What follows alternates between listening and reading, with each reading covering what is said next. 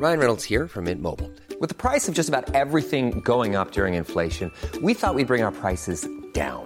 So to help us, we brought in a reverse auctioneer, which is apparently a thing. Mint Mobile unlimited premium wireless. Ready to get 30, 30, bit to get 30, bit to get 20, 20, 20, bit to get 20, 20, bit to get 15, 15, 15, 15 just 15 bucks a month. So, Give it a try at mintmobile.com slash switch. $45 upfront for three months plus taxes and fees. Promo for new customers for limited time. Unlimited more than 40 gigabytes per month. Slows. Full terms at mintmobile.com. Skåpet, välkomna! Jag heter Johanna Svanberg och med mig idag har vi Peppe Öhman i LA. Hej! Hallå! God dag! Vi har även Cecilia Blankens i Enebyberg. Ja, det var jag. Och jag själv finns i Stockholm. Trevligt att ni är här. Vasastan. I skåpet stoppar vi in...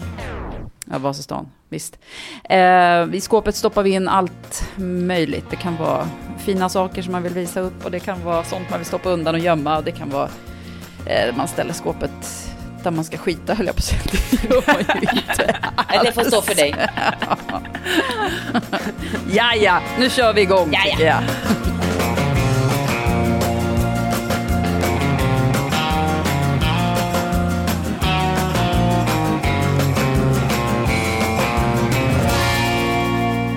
Hörrni, jag har tänkt den här veckan väldigt, eller inte väldigt mycket, det, skulle jag, det är över- överdrift. Nu tar du Eh, i. Mm, det gör jag verkligen.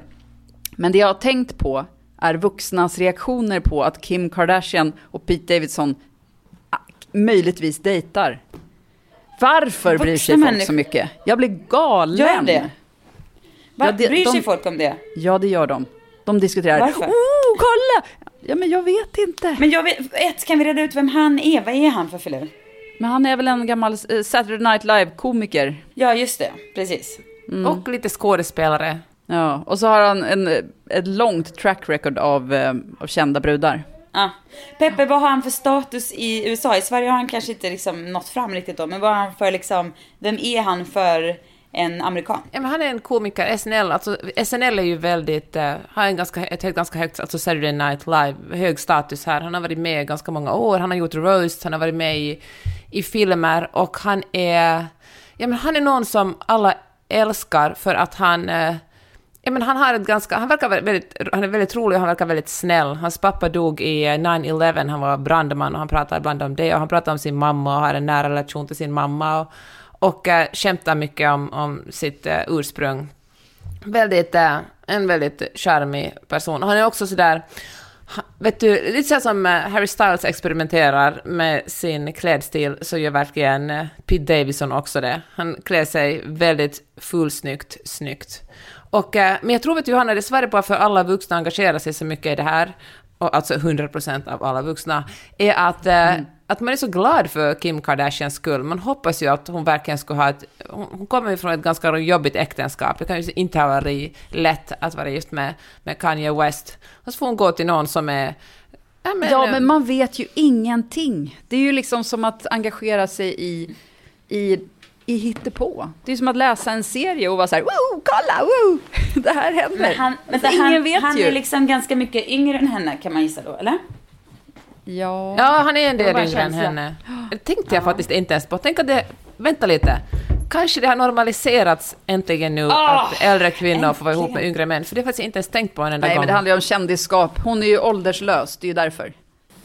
För hon är så känd och så fixad i facet att, att hon inte har någon ålder. Alltså det är ju inte som att hon är en, så här, en vanlig morsa som går och lämnar på förskolan och, eh, och har rynkor. Alltså, hon är en person som klär sig i plast och går på premiärer. Kan det inte vara att man lite bryr sig om eh, Kim ändå? För att hon är liksom... Det finns ju någonting väldigt, eh, alltså lite så här... Ja, en tra, svår, knepig relation som man... Alltså man undrar väl alla att få bara ha lite gött en sån över och man är på andra sidan. Vad vet vi om hennes relation Absolut, med men vi Kanye West? vet ju grundat på- ingenting. Vi vet varken Nej, något om nej, hennes men- relation med Kanye West, även om han verkar Ja, galen. men det är mycket vi inte vet ett jävla skit om Men- som vi ändå gillar att Ja. prata om. Allt handlar om, om drömmar. Alltså, det kommer till kändisar så är det som att tala om en film eller liksom andra fiktiva karaktärer. Det är liksom, vi drömmer oss borta och projicerar våra egna känslor. Hur skulle vi känna det om vi hade kommit ut ur ett äktenskap med någon som är bipolär och kanske ett geni på att göra musik, men väldigt jobbig. Och så tänker vi, åh gud, om jag vore Kim Kardashian nu skulle det vara skönt att få hänga med någon som Pete Davidson. Fast skulle man då gå på ett här, typ tivoli och bli plåtad när man åker eh, berg och dalbana? Det är där det också känns fake. men det är Fast det är också- kanske det är amerikaner ju för också att de alltid jobb. ska vara på så himla mycket. Alltså de får väl så mycket betalt av alla Disneyland-grejer för att det alltid ska taggas Disney World och liksom Knott's Berry Farm och Six Flags och du vet.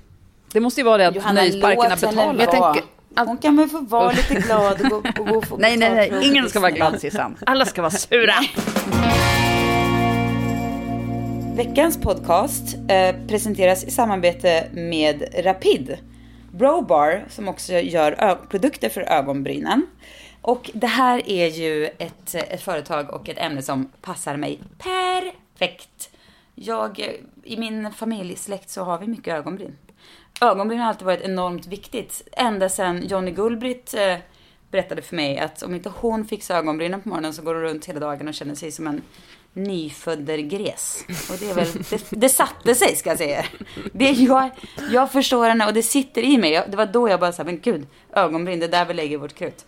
Eh, och Rapid är en eh, kedja som grundades 2013 av en mamma och en dotter. Och målet är att eh, man skulle då öppna skönhetssalonger, brow bars, med fokus på behandlingar av specifikt ögonbryn och ögonfransar. Och idag finns det 19 brow bars från Skåne till Uppsala. Man använder sig trådning. Det är jättekul tycker jag. De har liksom en sån här tråd. Har ni gjort det någon gång? Nej, faktiskt inte. Nej, aldrig testat det. Nej. Jag har varit på, på eh, Rapids Brobar och gjort det här flera gånger. Gjort såna brolift. Eh, och då, ja, men då så har de liksom ett tråd och drar bort de här. Det är ju väldigt, nästan lite skönt alltså. Att det killar så här lite mysigt. Och så går man därifrån och ser ut som en jäkla eh, star alltså. Med så här perfekta ögonbryn. Och det bästa är ju nu att vi kan erbjuda 20% rabatt på dessa behandlingar för den här veckan. Om Ja. man nämner skåpet 20 så Ja. gäller det 20% rabatt på en valfri behandling fast inte fransförlängning. Och så går ni in på rapidbrolashbar.com och där hittar ni var närmsta salong finns och så bokar ni in er och så använder ni den här ko- koden skåpet när ni bokar i tid så får ni 20% rabatt och det tycker jag gott ni kan unna er så här när man behöver kanske pigga upp sig lite i november. Gäller hela veckan fram till 29 november 2021. Kör! Fixa! Boka! Så jag tänker så här att, att Kim Kardashian, hennes fans, det är ju inte dåligt för någon del av dem. Alltså hon får en ny sida av sig själv, Pete Davidson kanske breddar, säger man vill om honom så är väl hon ändå mer känd. Han breddar också på vem som vet vem Jag han visste är. inte vem Alltså, man var innan ett- till exempel. Så nu, Va? nu, nu vet jag. Nej, men- jag oj. tror inte det. Ja, där ser man. Jag tänker att han och eh, Taylor Swift snart måste mötas och sen så blir det liksom som Ja. bara, hela universum imploderar för att då har hon varit ihop med alla, han har varit ihop med alla och sen bara och sen är det slut. Men kan vi ta lite om Taylor Swift? Det tycker jag är så spännande. Hon, hon har ju, jag, har ju, jag har ju vetat om hennes existens eftersom det är omöjligt att leva utan att veta det. Men, men eh, nu har jag lyssnat mycket på hennes nya skiva som är jättebra. Det verkar inte den typen av musik jag vanligtvis lyssnar på, men det är ju jättebra. Menar du är den nyinspelade eller liksom menar du den nya? Nej, men den nyinspelade. Och där hon skriver om, om eh, sina ex. Och, eh, men då har hon varit ihop med dem alla i tre månader. Och då tänkte jag att när har man, alltså, när blir, alltså kan man vara ihop med någon i tre månader? Är det bara jag som är gammal, eller känns det som att man knappt, alltså vet vad den andra heter tre emellan? månader är ju ett riktigt förhållande, det tycker jag Är absolut. det det? Ja. Om man är 12 ja. Nej men så här, om man inte, alltså det är klart att det är längre att vara ihop i två år, men det är klart man kan vara ihop med någon i tre Jag har månader. aldrig varit ihop med någon i tre månader. Tre månader är ganska jag tycker, lång tar man, sig an, tar man sig an och är ihop, då får man fan, och som sagt om man är över 12, då får man ju faktiskt anstränga sig lite mer än tre månader. Ja, men tänk dig deras, alltså äh, Taylor Swift och hennes kända killars liv. Alltså nu är hon väl ihop med någon och har varit ihop i flera, flera Två år. så att- år? Ja. Ja, så det är lång tid. Men innan någon typ dejtade, vet, Harry Styles, och, alltså de turnerar ju. Hur mycket? De, de träffas väl liksom en gång i veckan max. Men ja så hon har träffat alltså Här sin och pojkvän. Ja, exakt. Vet du vad jag vill säga nu? 15 gånger. Johanna, vet du vad jag vill säga nu? För att vara en person som irriterar dig på att folk pratar om Kim Kardashian, är du ändå också en person som kan enormt mycket om olika, liksom, så någonstans så snappar du upp det själv. Ja, men jag investerar inte känslor Nej, i nej, okej. Du tar i det- är du hennes skiljer på information och Jag sitter känsla. inte och är lycklig för att hon dejtar någon. Alltså, Fast det väl- påverkar inte min dag från, på daglig basis. Det vore off-brand om du satt och bara Kurrade. Ja, men vet du vad som jag är lycklig för med henne? Är just att hur hon har haft sån succé med sina nyinspelade skivor. För det Ah, handlar ju alltså ja. om att hennes tidigare manager, Scooter Brown, som även jobbar med din älskling, jag menar han är ond. Eh, alltså Justin Bieber, för den som kanske inte vet vems, vems älskling jag pratar om. Men Per har faktiskt också jobbat med honom lite, men absolut visst. Men för han tog, han tog över alla rättigheter till hennes Ja, musik. helt sjukt. Och nu för att komma loss ur det så spelar hon Ah. in nya versioner av alla sina gamla skivor för att alltså, Taylors version är då Ja. hennes och då äger hon sina låtar igen. Det älskar jag.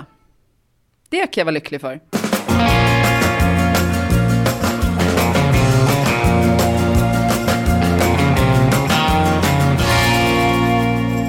Häromdagen var jag på restaurang och äh, åt en, en jättegod portion mat. Och när servitören kom för att ta våra tallrikar så var han sådär, så sa jag gud vad det här var gott, jag älskar det. Det var chilaquiles som är en sån här mexikansk äh, Ja, men det är så här, i rester från gårdagen, man äter det till frukost i Mexiko, man så här, tacos och chili och ägg och allt, allt möjligt. Man samlar ihop resterna, pyttipanna typ.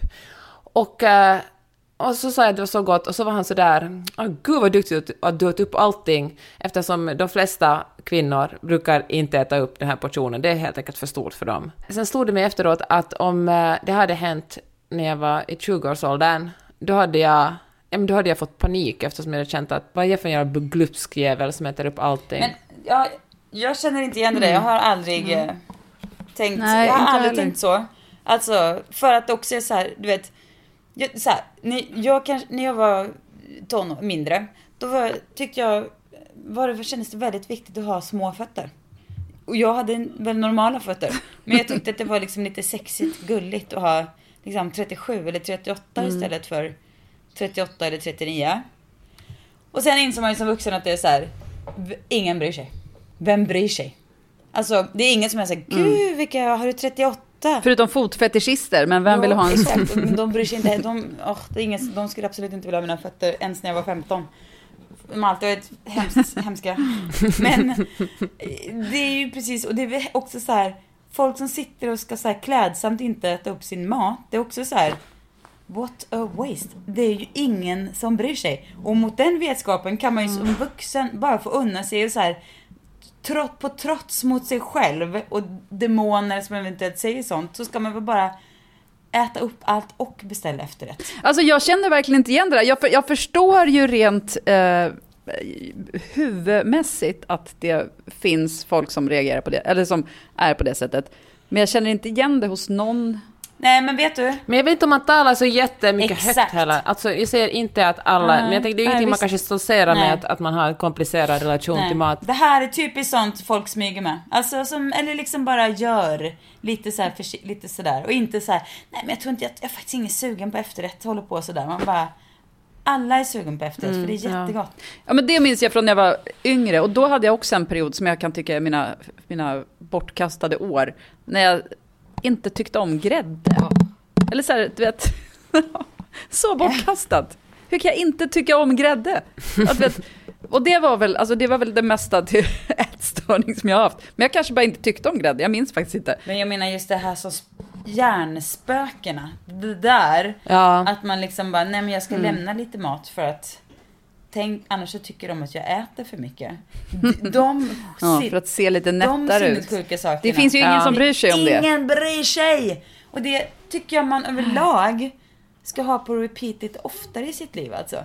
När man håller på och bara Ja, har så här, verkligen. Ingen bryr Vem sig. Mm. fan bryr sig? Bara ta det. Alltså, det är, alltså, det blir lite fel ibland. Man gör lite fel. Man kanske slirar lite på något. Man kanske glömmer något. Man häl- jag vet inte, man hälsar inte. Man var inte tillräckligt trevlig. Man åt för mycket mat. Man kanske släppte en fis. Man, och så vidare och så vidare. Vem bryr sig? Ingen bryr sig. Verkligen. Det är verkligen... Särskilt kvinnor kanske ska ha det som lite så här terapi och bara tänka minst tre gånger om dagen. Ingen bryr sig. När man känner att man börjar bli för hård mot sig själv eller för sträng eller hitta på med så här idiotiska självbilder som, ska, som är helt orimliga. Då kan man bara, ingen bryr sig. Det finns en bok som heter The Art of Not Giving a Fuck. Ja. Det är väl ändå en, en, ett jättebra mantra. Men eh, ja, för jag kan verkligen ibland tänka, folk som tänker för mycket på vad andra människor ska tycka om dem, det är en form av narcissism nästan. Det det att man verkligen. tror att man spelar en mycket större roll i andra människors liv än vad man egentligen gör. Ja, men det Fast det är väl också någonting som man allra mest gör, alltså lite yngre. Alltså för det som är så underbart att vara den åldern som vi är, är ju att man inte längre bryr sig lika mycket. Nej. Just för att man har kommit till den insikten. Nej. Tänk om man hade kunnat komma till den insikten redan, vet, när man är 22. ja, Vilket liv man hade haft. ja. Frihet! Alltså, Så nu blev det ganska bra ändå. Jag känner Ja, faktiskt ja. att jag har varit ganska befriad från den känslan. Men samtidigt så här tycker jag, är jag ändå lite glad att man har liksom den här liksom självkritiska liksom kvinnoådran i sig. För det är ju därför vi kvinnor är så jävla mycket härligare än snubbar. Alltså hade man varit helt, jag menar, sen behöver man absolut inte vara självkritisk på det viset att det blir in absurdum. Men att man reflekterar över sitt beteende och hur man är och så. Det tror jag ändå är Alltså, det, det, det, det gör oss lite härligare än snubbar som bara ångar på och inte precis stannar upp och men funderar på ja. så här, varför gjorde jag så eller varför säger jag så? Eller kanske främst, hur mår den personen när jag sa så eller gjorde så? Det är väl ändå en, en ganska trevlig egenskap. Ja, Att känna någon slags empati. Ja. ja verkligen. Men ganska ofta så har den personen inte ens någon åsikt för att den minns inte ens Den vet situationen. inte ens vem man är. Nej, exakt. Igår var ju du och jag, eh, Johanna, ute. Det var vi. Och då tänkte jag på, apropå i förra avsnittet så snackade vi om hooded eyes och om att så här, att man kan rebranda lite sån här, ja, man får långa ögonlock. Det kanske inte är långa ögonlock utan, men vi kan kalla det hooded eyes. Platt röv kan vara långa, att vi har långa ben och sådär. Igår när vi var på Rish, då var det ganska mycket så här. Ja, det var lite, jag var lite, det var lite så här, vi satt ju kurade i ett hörn, men det var ändå när man skulle fram och tillbaka det. Det var mycket liksom, folk man halvkände och någon som man kände mer och några som var liksom yngre än en själv ganska mycket. Och, ja, det var liksom lite så här, inte helt självklart hur man skulle... Alltså också för att man var lite ovan kanske. Men det var ju liksom lite, tycker jag, det är lite så här, man inte bara säger tjena och liksom slänger sig helt ledigt med folk till höger och vänster. Så var det en kille som var, som var så här, men hej vad kul att ses och bara, gud ryktet sa att du var här. Och då tänkte jag så här, fan det ska bli min nya grej. I- Och hantera så här att man börjar känna sig som en gammal tant i baren. Då ska jag börja tänka så här, legend. Nej, jag är inte gammal. Jag är legend. Jag är inte medelålders, jag är legend. Och så ska man bara ta sig an Exakt. så, skrida in på ställen och bara känna, här kommer legenden. Så, Grattis till er som får se detta i, i verkligheten. Det händer inte ofta, kommer- men just nu så sker det. fatta vad så härligt att bara brotta ner osäkerhet och bara känna, det kommer in en legend och tar över det här mötet. Men vänta, det är jag! Och så, nej, nu glider en legend in här bland alla 20-åriga killar i baren och slår sig ner. Kul för dem. Och så vidare och så vidare. Legend, så jävla bra ord också. Jag får kanske lägga till det som ett extra efternamn. Tänkte jag där att, nej ska inte göra. Det handlar ju om, inte så mycket om vad man är liksom utåt utan hur det ska kännas på insidan i en själv. Och där kan man ju få brassa på massor med såna här fjantiga saker bara för att det blir liksom göra livet lite lättare och mindre så komplicerat helt enkelt. Ja, men det är ju lite som alltså det när vi pratade om just de här långa låren och, eh, och hooded eyes. Mm. Att det handlar ju om att ha någonting, att det här är verkligheten. Nu kan jag bara omstöpa det för mig själv. Exakt. Alltså det är ju egentligen en ompaketering bara. Ja. Det är ett helt vanligt eh, reklamarbete Ja. man håller på med. Exakt, det är By, helt... byta fokus. Man kör Och, liksom eh, varumärkes... Från gamling till legend. Ja, exakt. Man kör internt, eh, intern briefing på varumärkes, den egna varumärkesbyrån liksom. Och bara, nej, nej, nej. Ska inte snacka så mycket om det här. Man är lite, lite gammal. Utan man har nått legendstatus.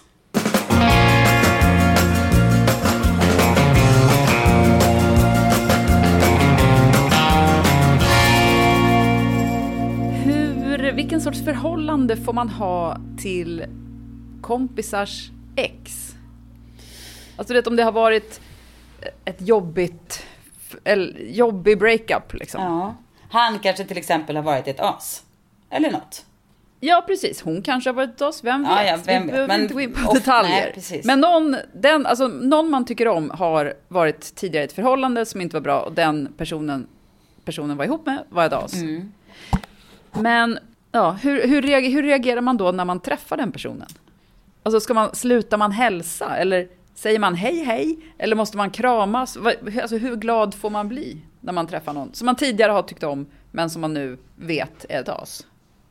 Ja, nej men... eh, Alltså jag känner en ganska stark lojalitet mot eh, mina vänner. Om någon har behandlat dem jätteilla tycker jag det är svårt att uh, vara supertrevlig mot den personen. Och det här, det här, den här, det, går bara, det här går ju bara på känsla, men jag, jag, fan, jag har svårt för folks... eh, jag har svårt för folks ex om exen har behandlat dem dåligt. Men ibland så är det ju liksom man hamnar i en situation för att man, du vet, man hinner inte tänka efter utan man bara kanske möts. Jag men, herregud, hälsa får man. Alltså man behöver ju inte slå dem i magen eller sparka dem i pungen. Alltså man kan ju säga Eller? hej. Men, eh, och fundera på, vill man verkligen kramas och bjuda över dem på middag? Där kanske man drar gränsen ändå. Ja. Nej, men för jag hade en kompis häromdagen som frågade så här, "Ah, vadå, jag trodde att du hatade honom, hennes ex. Och då var jag så här, oj, nej men jag, alltså jag hatar ju vad han gjorde mot henne, men och jag har ingen relation med honom, alltså jag träffar honom inte, men jag hatar, alltså du vet, ska jag gå runt och hata någon? Jag vet inte. Krävs det, av mig? du. Nej, ja, det kanske... Ja, det är ju en ganska aktiv inte. känsla Alltså, jag- att gå omkring och hata någon. Det kanske... Jag tycker det är ganska bra som du formulerar det, att man hatar vad den här personen har gjort mot ens vän och därför kanske man måste vara tydlig, speciellt om ens vän är skadad efter den relationen, vara tydlig Mm. mot henne eller honom, vems, eh, var ens lojalitet står. För det kanske man Ja. behöver om man kommer ut ett trasigt förhållande. Men eh, Ja, men det tror jag verkligen att jag har varit, alltså som sagt, jag har ingen kontakt med honom. Nej men, Men, jag, så här skulle jag nog faktiskt, om jag fick välja. Mm. Om liksom Per skulle vara ett as. Vi skulle skilja oss. Ja men sen har vi ändå tre barn så att jag skulle behöva ändå försöka så här. Jag menar jag skulle inte vilja ha en så här skilsmässorelation där man bara hatade utan man skulle försöka lösa det för barnens skull och ändå kunna vara så här. På något sätt hitta det och fungera för att det blir liksom Ja. Vad äter du nu för något? ja, men en liten godis bara, låt mig vara. det låter superhärligt i jag- folks jag, öron när jag man... tänker på våra lyssnare, snälla du. Ja. Jag, bryr mig, de- jag bryr mig De inte. unnar mig det. Det var en liten lakrits som låg här. Jag, vad, vad ska man göra? Den någon tittade på mig. Bara, Ta mig, ät mig. Jag, stod, jag gjorde det. Ja, då, då skulle man behöva få det att funka på något sätt för att pappa inte ens barn och så vidare. Men jag skulle nog ändå vilja... Skulle uppskatta, jag skulle tycka var lite så romantiskt och lite så systerligt om alla mina kompisar bara until further notice var på hat. Hatinställning. Tills jag sa så här, okej. Ja, visst. Alltså jag, Men och hur skulle det yttra sig? Alltså skulle, skulle vi skicka hatiska sms till Per? Ja. Din jävel. ja, så här uppsliceade Hot. kattungar. I, Ja, Ja, precis. Kasta bajskorvar på hans ytterdörr. Ja, det vanliga Eller alltså. handlar det bara om att inte häl- hälsa glatt om man ses? ja. Jag säger, Alltså surt. Jag, vet inte. Hela skalan. jag har ju inte så mycket kontakt skalan. med Per i, till vardags annars heller. Alltså ens nu, när han är en person som jag älskar. jag skulle uppskatta så här. Han hade varit ett as mot mig. Ni var på stan, han Mm. kom och gick och det var liksom i ett läge där man vanligtvis kanske säger hej.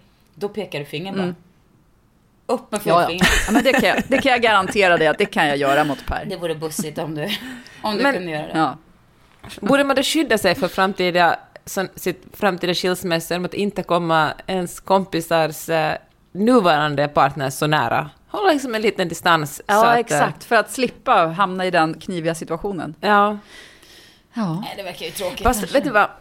Det där med, det, alltså om någonting, om sjätte sjätte, man har skilt sig och uh, gått skilda vägar. Men jag tycker det som är jobbigt är när man, det finns en, den här perioden när den ena, när man, folk, ens kompis är fortfarande, eller ens kompis är fortfarande ihop med någon som är ett as. Och eh, hur man ska hantera det då, ska man... eh, för snackar man för mycket skit om den här personen för att man vill vara lojal mot sin vän, man bara nej men det här är ju ett asshole, liksom, kolla så han håller på. Då kan det bli problematiskt om de fortsätter vara tillsammans som man verkligen har satt i liksom femmans växel på att eh, förklara vilken vidrig person de är ihop med och då kanske det kanske krackelerar ens relation med ens vän för att ofta tar ju folk, ja men folk tar ju ofta, om man måste välja mellan en kompis och en partner, är det ju ofta så att man väljer partnern. Eller det har jag varit med om åtminstone. Ja, alltså där tror jag också att det är sånt, det är ju sån skillnad om man till exempel har en kompis som, som man vet, vet blir psykiskt eller fysiskt misshandlad och så vill man liksom aktivt ta bort den personen från, ur hennes eller hans liv. Eh, men samtidigt så är det ju så, man kan inte, en vuxen person måste ta sådana beslut själv. jag tror, alltså det är klart att man ska försöka och, och man ska hjälpa till och man ska visa att man finns där, men man kan ju inte, eh, jag vet inte. Man kan ska man inte berätta ta bort då? en person som inte, Men säg att om det inte handlar om våld, utan det handlar om den här, om ens kompis, eh, om man ser liksom ens kompis pojkvän eller man stå och flörta med någon annan på Rish. Hur ska man göra då? Berättar man det, eller tänker man att ah, fan, det här angår kanske inte Det mig? ska vara väldigt svårt att veta om någon står och flörtar. Alltså bara Ja. vid sidan. Nu står Hånglar. verkligen. Men nej, nu står han jättenära och pratar med en kvinna. Mm, så här, jag, jag träffade min syrras ex på Rish i helgen. Vi träffade så sjukt mycket folk på Rish. Det var helt otroligt. Ja, det det, var var verkligen- som att hela ens adressbok var på så Rish. var det verkligen. Man bara tjena, tjena, tjena, tjena, Det var tjena. så här, Och så ändå så satt vi bara och tryckte i ett Ja, hörn. för att vi hade ett bra gäng, gänghäng. Mm. Beaktade den här killen som hade varulvssvans nedstucken i byxan. Och det var det enda man kunde tänka på slut. Irriterande. Att du inte ryckte bort den. Mm. Synd så här i efterhand. Jo, men jag träffade min syrras ex. Och eh, alltså, vi tänker absolut inte gå in på deras eh, relation och avslut. För det är inte... eh, Ja, det vore ju jättekonstigt bara. Eh, men eh, det var väl inte helt odramatiskt dock. Alltså det var lite, du vet, det är ju alltid dramatiskt när en relation till slut. Mm, så. Och det var kanske, vi har setts någon gång förut och då har det nog varit, alltså lite, kanske ganska tätt inpå och då kanske det var lite så här svårt att veta hur man skulle vara. Men nu har det ändå gått, vadå? 12 år eller någonting. Och ehm, då, nu, nu, har det, nu har det liksom preskriberats, kände jag direkt. Det var jättehärligt och naturligt och man kunde, jaha, har du fått de barnen och oh, så här. Det var liksom det fanns ju så tydligt ingen koppling kvar där, utan tiden har gått. Och det kändes helt självklart att bara en stor kram. Mm. Han har suttit av sin tid så att säga. Precis. Även om han, Mm. alltså nu var det verkligen inget så dramatiskt där. Eller ja, det kanske var, men skitsamma. Um, ja, det var, kändes som att det var inte så, jag tror inte någon skulle bli upprörd för att det liksom, ja. Ehm, så att det kanske är tid det handlar om lite grann också. Det är det man får väga in när man funderar på hur man ska vara mot ett ex. Absolut.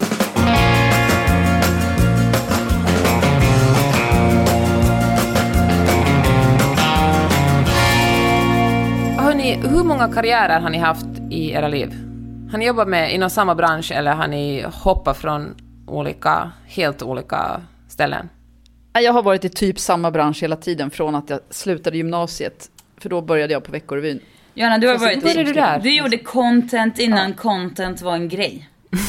Du var content creator innan, innan liksom. och jag har, varit, jag har varit i radio, jag har varit, eller inte i, men alltså, jo jag är i och för sig i, i radio också. Men jag har jobbat med radio, jag har jobbat med tv. Hur har du jag har varit jobbat i med radio internet. menar du?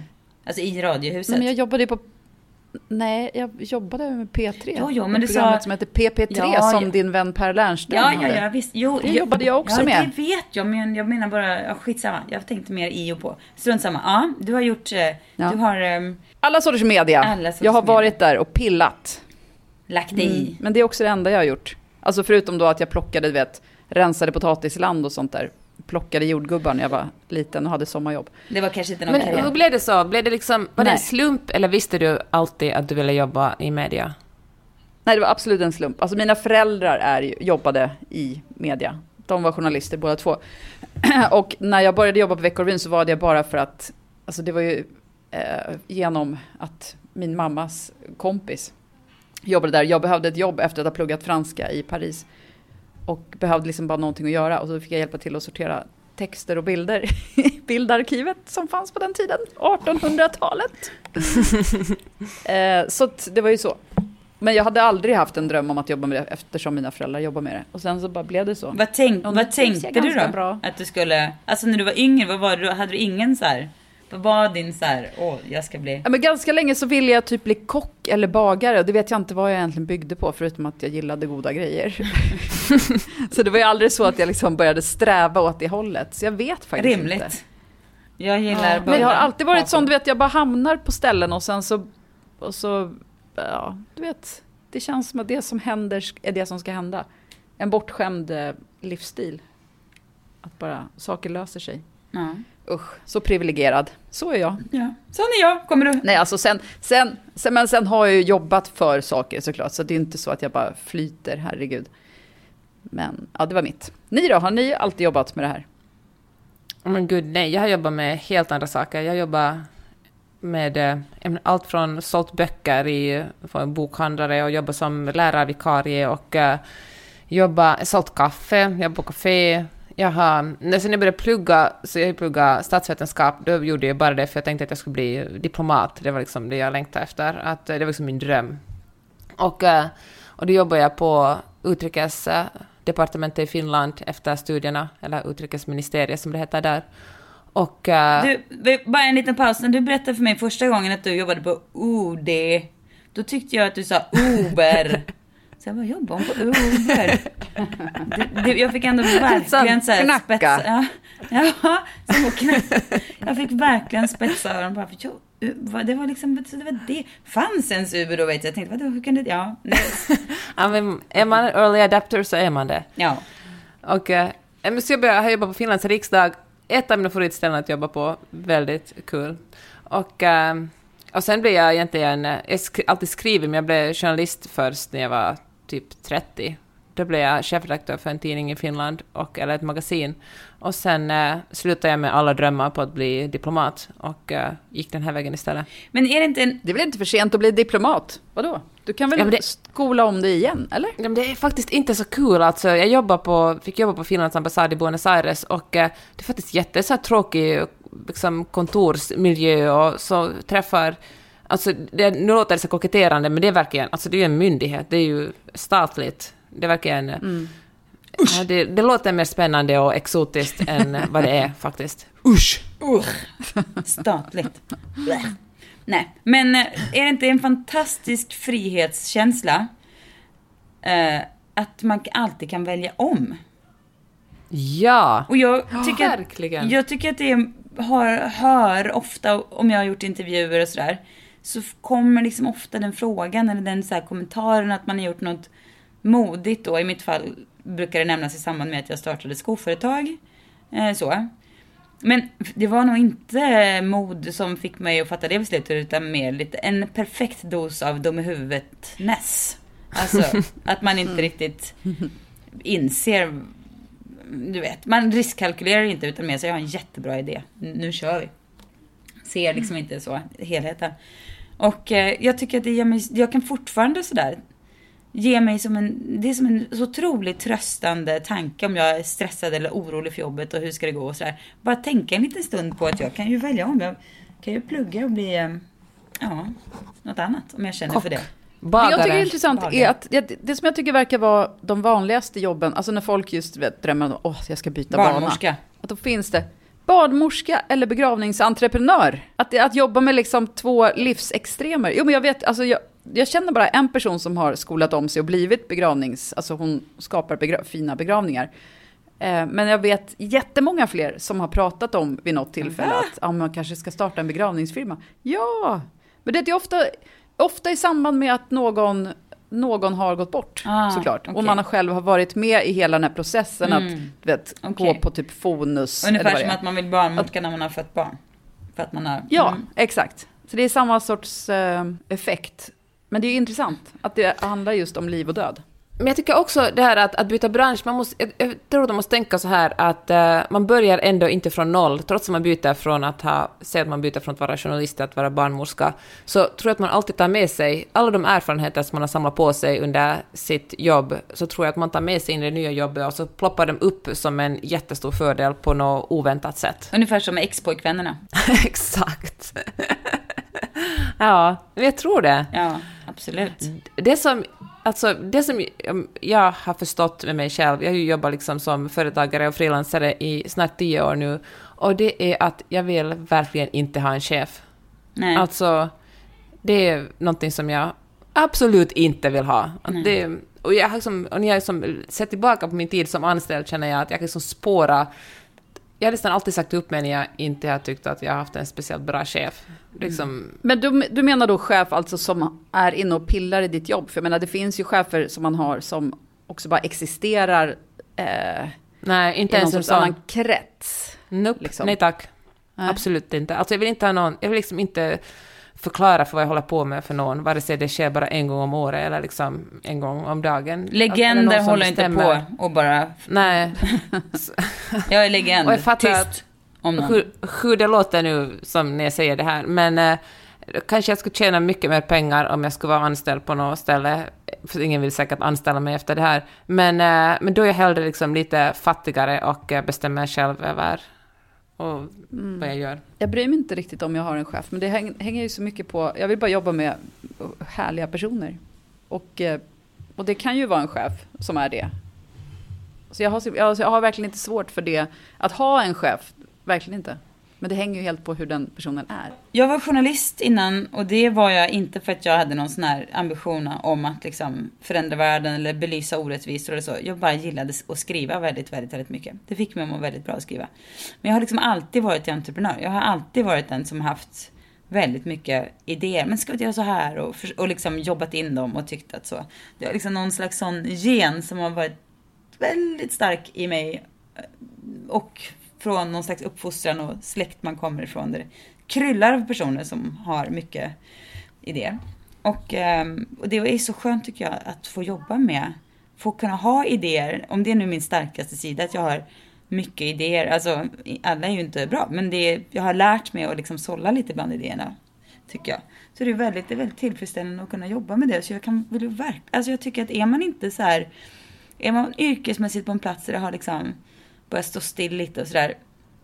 Men jag tycker, jag tycker inte ens det är så här en modig eller stor grej att byta. Det är ju mer ens plikt inte- mot sin egen, mot sig själv men också mot andra man jobbar med. Då Ja. kan ju någon annan som, Livet är för kort för att hålla på och bara verkligen alltså. eh, stå ut. Ja. Mm. Och det är verkligen inte speciellt eh, svårt eller läskigt. Alltså, det är klart det krävs en del omställning och så, men det är ju alla gånger värt det för att det, det kommer ju så mycket nytt med det också som man kan få på köpet. Nya kollegor, nya erfarenheter, nya platser och sådär.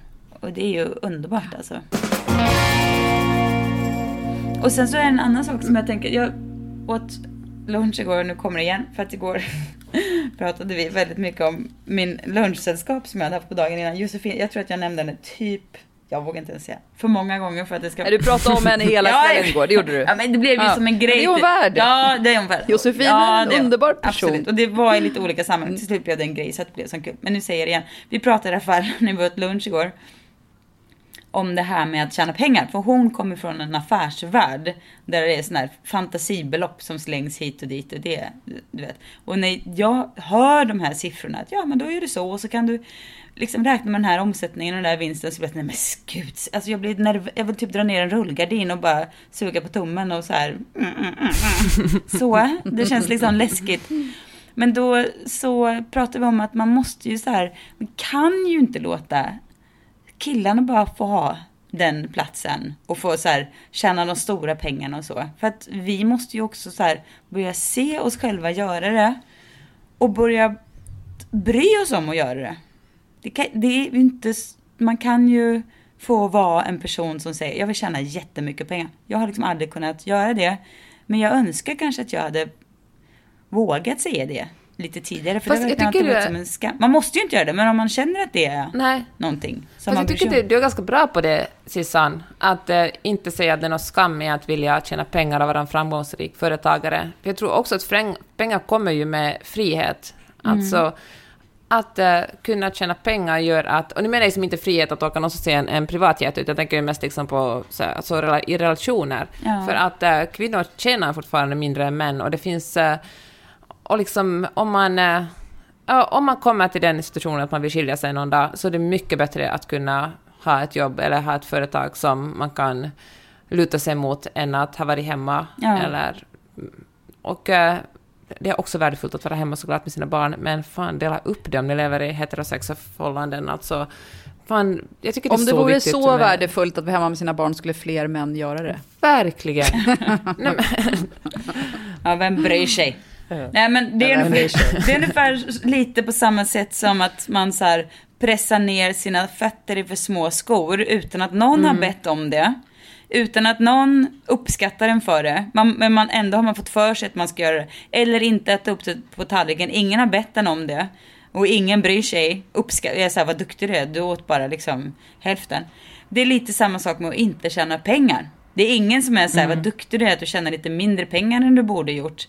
Det är ingen som har bett dig att tjäna lite pengar heller. Det är bara någonting vi gör som är helt så här befängt. Men, men kan vi snacka om hur, alltså hur ska man göra då? Hur ska man löneförhandla? Hur ska man ta rätt betalt? För, för det är lätt att säga, men tjäna mer pengar då, men hur fan gör man det? Nej, men jag, jag är verkligen inte rätt person att prata om det eftersom jag själv verkligen är Nej, i processen att, att lära mig. Men jag går, har gått från att vara i ett läge där jag Ja, dels tyckte det var pinsamt. Jag, jag, hela tiden när man skulle prata, ja men jag, jag kunde typ så här sitta i en löneförhandling och säga nej men jag tycker att det, först och främst är det här ett jättekul jobb så det är inte så viktigt för mig om jag känner det eller det. Det vill jag. Och liksom att tro att någon skulle så här uppskatta mig för det. Såklart ingen gör. De bara, hm, kanon, då behöver vi inte lägga. Alltså, Jag har ett tips Ja. som jag kan ge om det. det och det, det är ju det gamla vanliga, fake it till you make it. Alltså att man, man säger en högre lön än man egentligen känner sig bekväm med. Och sen så kanske man hamnar lite under det, fast man har åtminstone kommit högre än det som man säger att man vill ha. Ja. Alltså det tycker jag alltid har funkat. Precis, man kanske För är, mig. är någonting lite bekvämt. För det är det här jag tampas med i mitt huvud nu när jag tänker på min, mitt företag och framtiden för mitt företag. Då, då, jag vill gärna tänka lite så här bekväm som jag säger, ja men det här kan jag se och så här. Och, och det är ju härligt, men, men man måste ju också, känner man sig bekväm så kanske man ska spänna på lite till. Alltså, är det här bekvämt att be om den här lönen? Bara, Ja, det känns bekvämt. Mhm, Då är det inte den du ska be om, utan du ska upp lite till. lite. Ja. Ja. Säger de ja direkt, då har man sagt för Ja, lite lön. Och, Och kanske också så här, inte- irriterande. Gott känna att man ska ha så tacksamhet för att folk vill eh, anställa en och vara sådär att jag som ska, alltså tvärtom skulle ju uppdragsgivaren eller den som har anställt en vara tacksam över att man jobbar där. Man känner att det som man tillför till företaget eller den tjänsten som man erbjuder de produkter man erbjuder faktiskt är väldigt bra och folk ska vara glada för att man är där och kan erbjuda dem. Glöm inte att du är en jävla legend. Ja, exakt. Exakt. Men verkligen.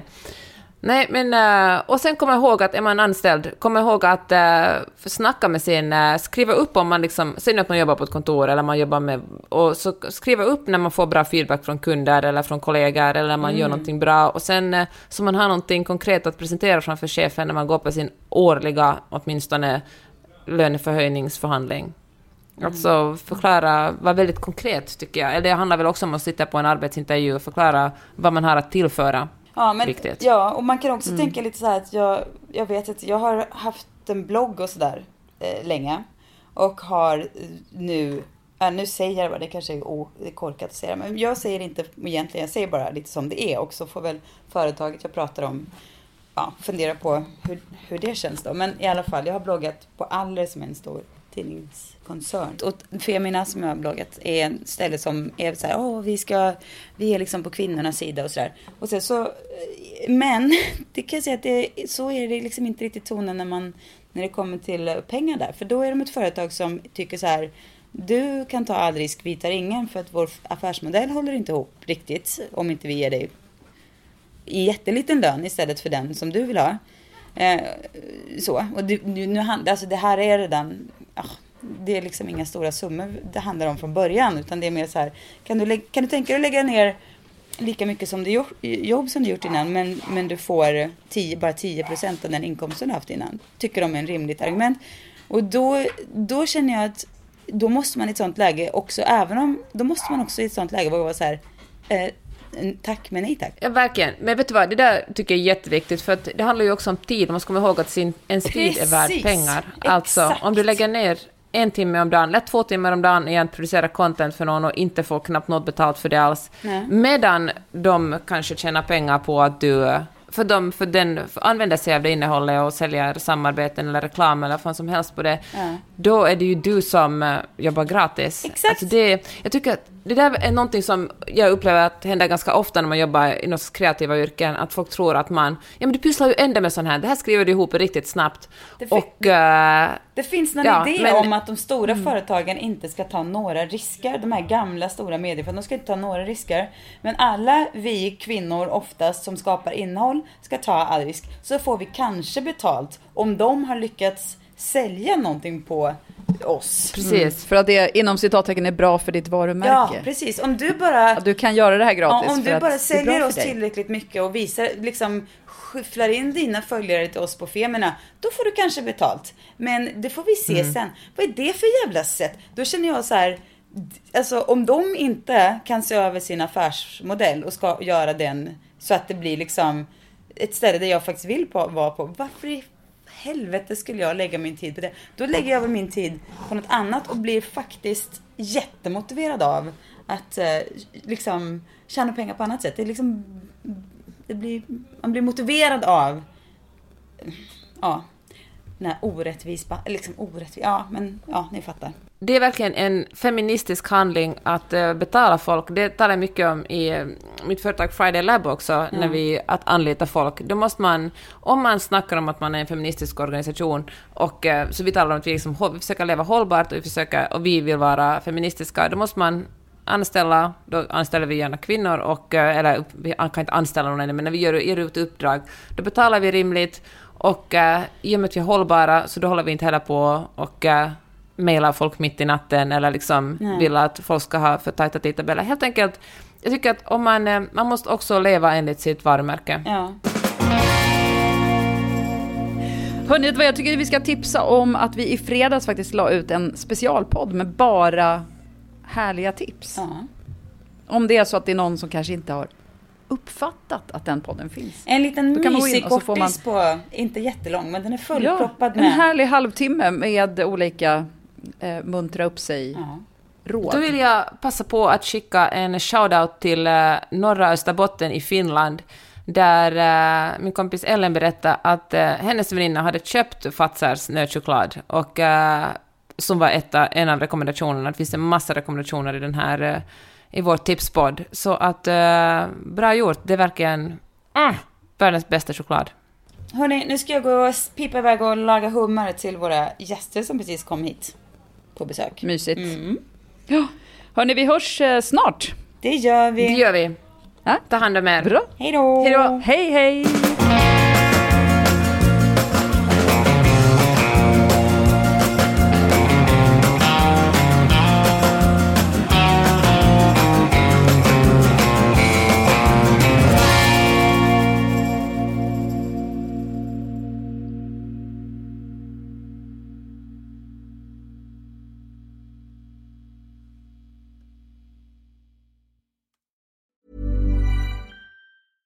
Want flexibility? Take yoga. Want flexibility with your health insurance? Check out United Healthcare Insurance Plans. Underwritten by Golden Rule Insurance Company, they offer flexible, budget friendly medical, dental, and vision coverage that may be right for you. More at uh1.com. Hey, it's Danny Pellegrino from Everything Iconic. Ready to upgrade your style game without blowing your budget? Check out Quince. They've got all the good stuff shirts and polos, activewear, and fine leather goods, all at 50 to 80% less than other high end brands. And the best part?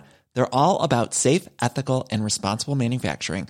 Get that luxury vibe without the luxury price tag. Hit up quince.com slash upgrade for free shipping and 365 day returns on your next order. That's quince.com slash upgrade.